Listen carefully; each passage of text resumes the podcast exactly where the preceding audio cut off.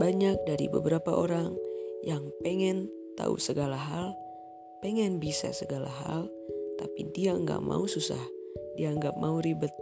Maka dari itu, gue saranin lu semua buat dengerin podcastnya Awit.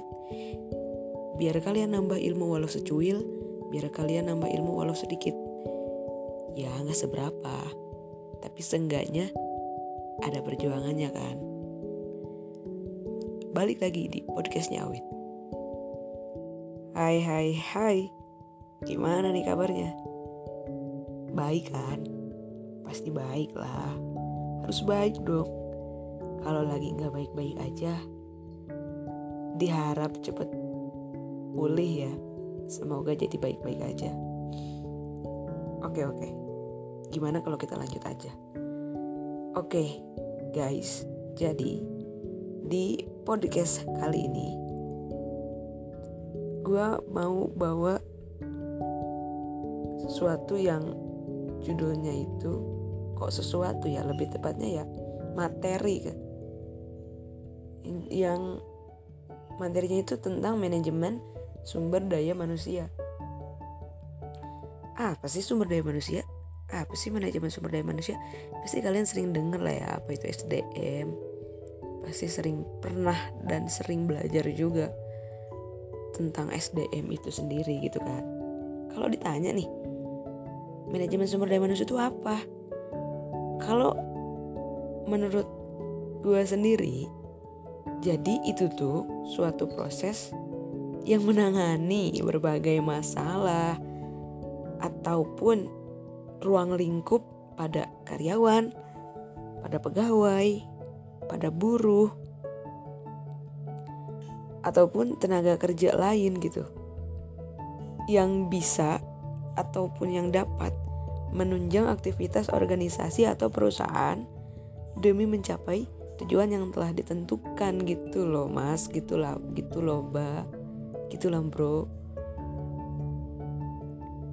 Nangkep kan? Ya dikit nangkep lah. Terus kalau ditanya nih apa sih manfaatnya?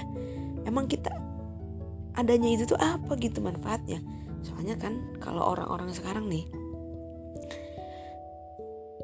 kalau mau ngelaksanain sesuatu tuh atau enggak kalau mau bikin sesuatu tuh pasti dia nanya nanya dulu atau enggak feedbacknya buat gue tuh apa sih gitu kan? Manfaatnya tuh apa sih gitu kan? Ada juga nih manfaatnya. Dari si manajemen sumber daya manusia tuh ada. Ya pasti kalau ada adanya satu hal pasti ada manfaatnya juga. Gitu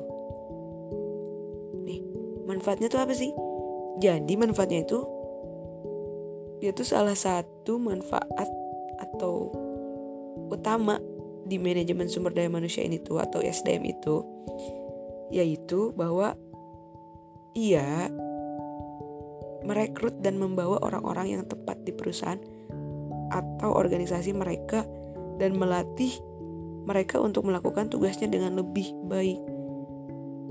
Adapun mereka yang menyusun deskripsi pekerjaan yang lebih sesuai dengan peran pekerjaan mereka tersebut.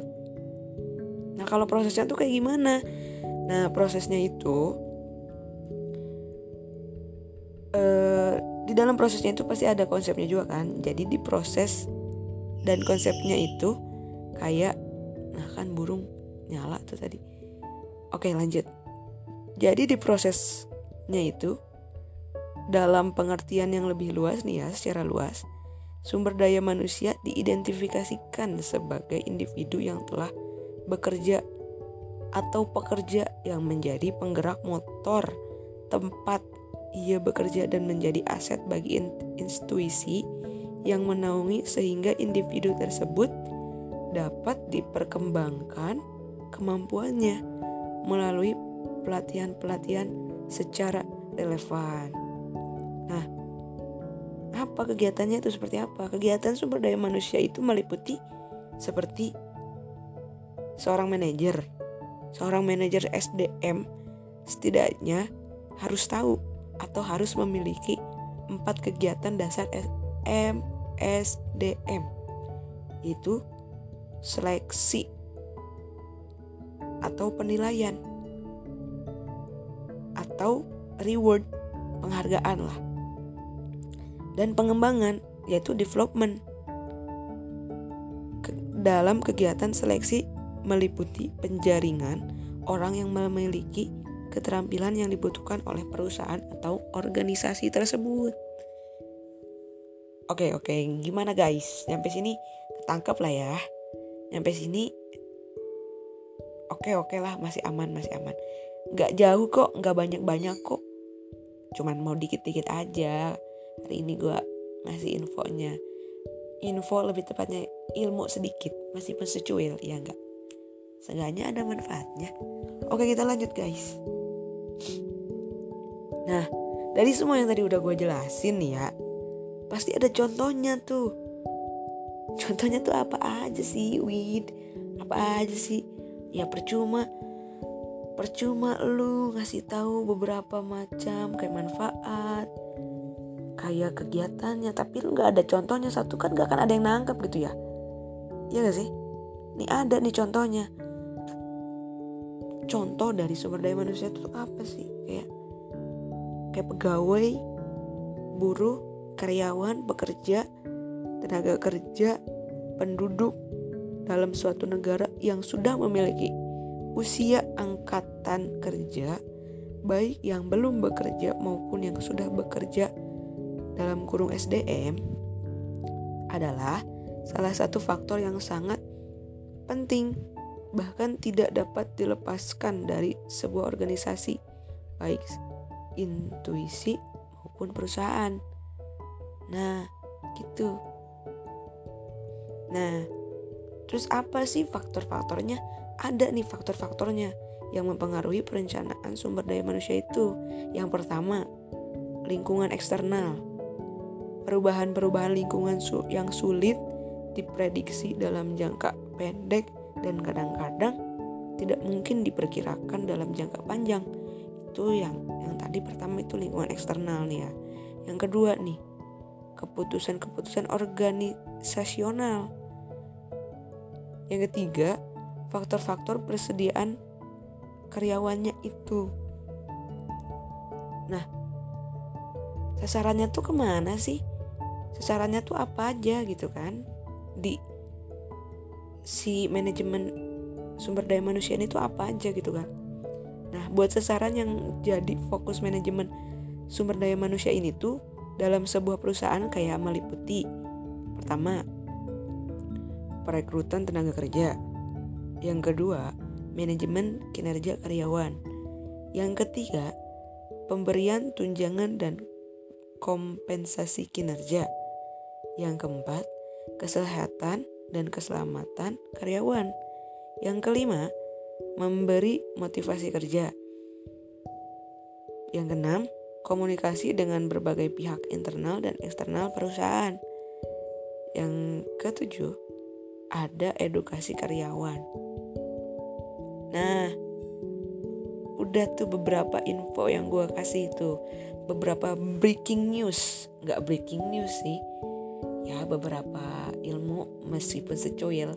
Itulah kata-kata gue meskipun secuil ya yang penting ada manfaatnya dikit. Gimana nih? Dikit-dikit yang penting ajib ya enggak oke guys. Jadi ini gue kebetulan bikin podcast ini tuh malam-malam. Malam-malam jadi setengah sadar setengah enggak. Tuh kan alarm gue nyala. Ya nggak apa-apa lah ya. Kalau udah agak tipis-tipis anget-anget kita udahin dulu aja nyampe sini gimana. Nanti kita lanjut lagi di podcast selanjutnya. Gak tahu mau tentang ngebahas apa yang penting ada ilmunya meskipun secuil. Ada ilmunya meskipun sedikit. Oke yo dadah. Bye bye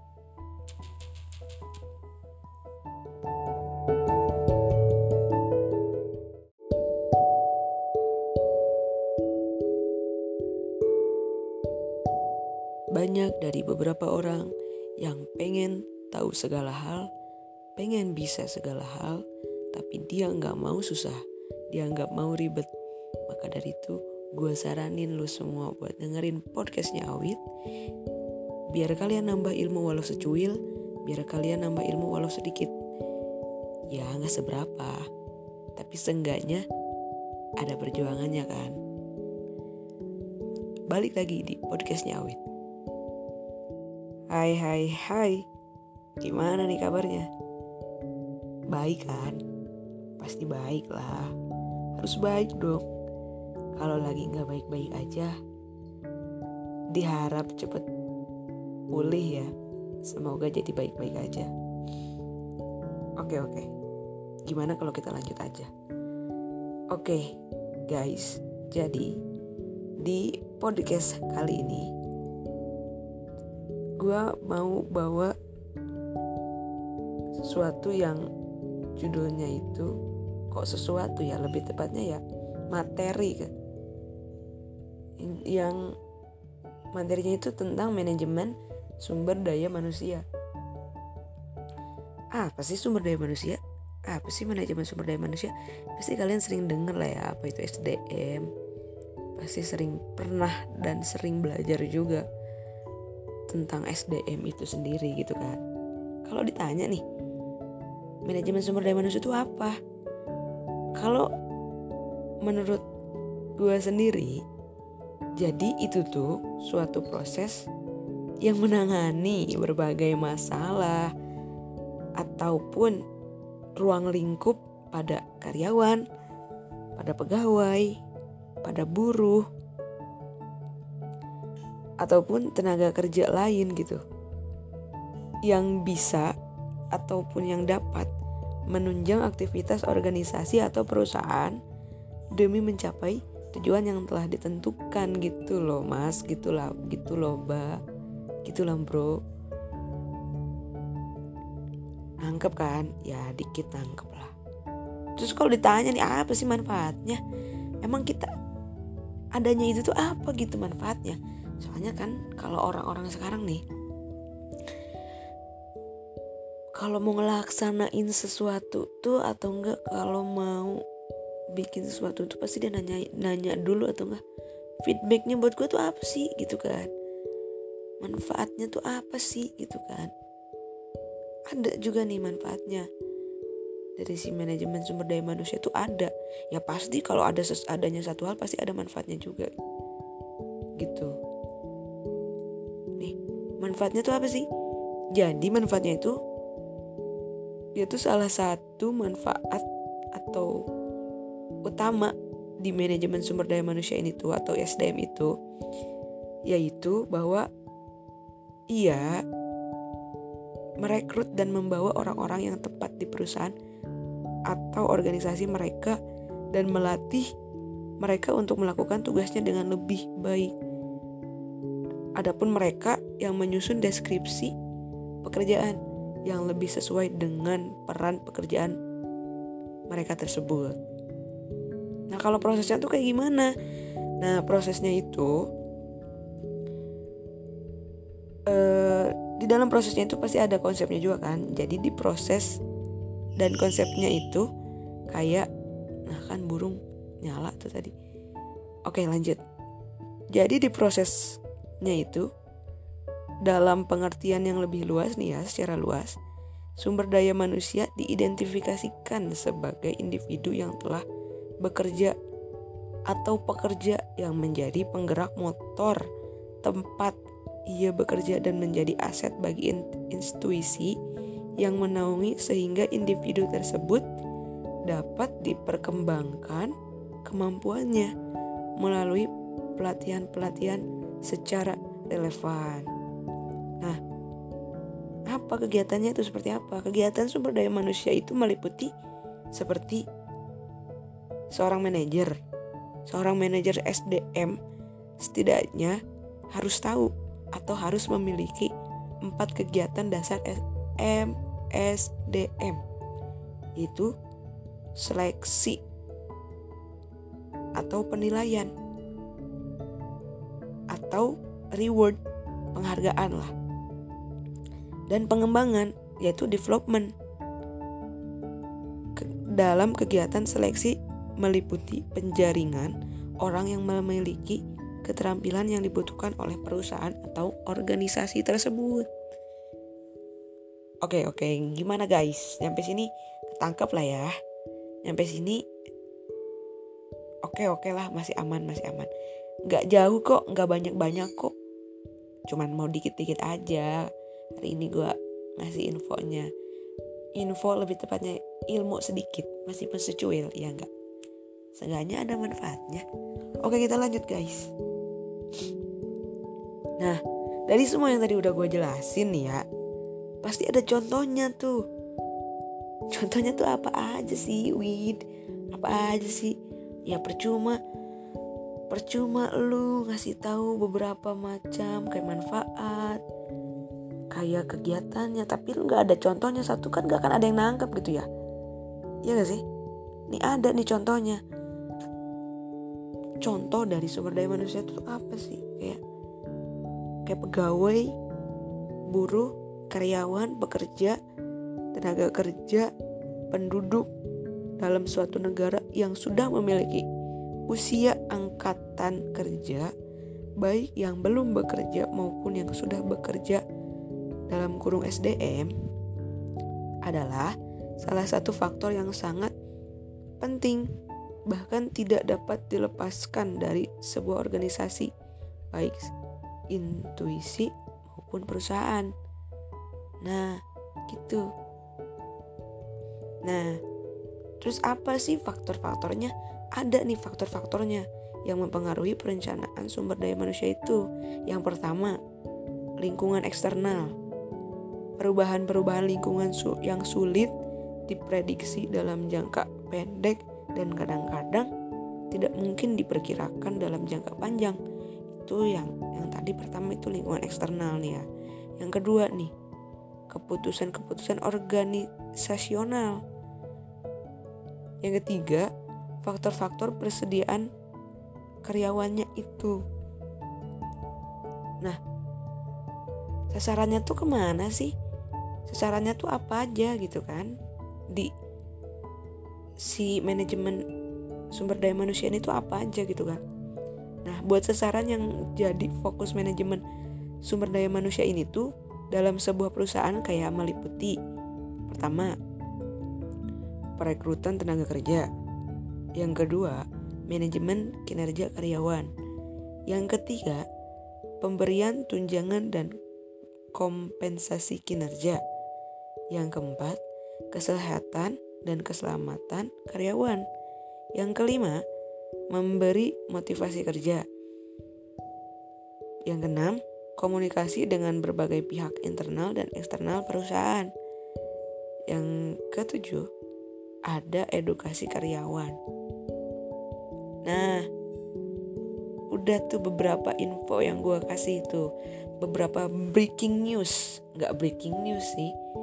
Ya beberapa meskipun secuil. Itulah kata-kata gue. Meskipun secuil ya yang penting ada manfaatnya dikit. Gimana nih? dikit-dikit yang penting ajib ya enggak Oke okay guys, jadi ini gue kebetulan bikin podcast ini tuh malam-malam Malam-malam jadi setengah sadar setengah enggak Tuh kan alarm gue nyala Ya nggak apa-apa lah ya Kalau udah agak tipis-tipis anget-anget Kita udahin dulu aja nyampe sini gimana Nanti kita lanjut lagi di podcast selanjutnya. Gak tahu mau tentang ngebahas apa, yang penting ada ilmunya meskipun secuil. Ada ilmunya meskipun sedikit. Oke, yo, dadah. Bye-bye.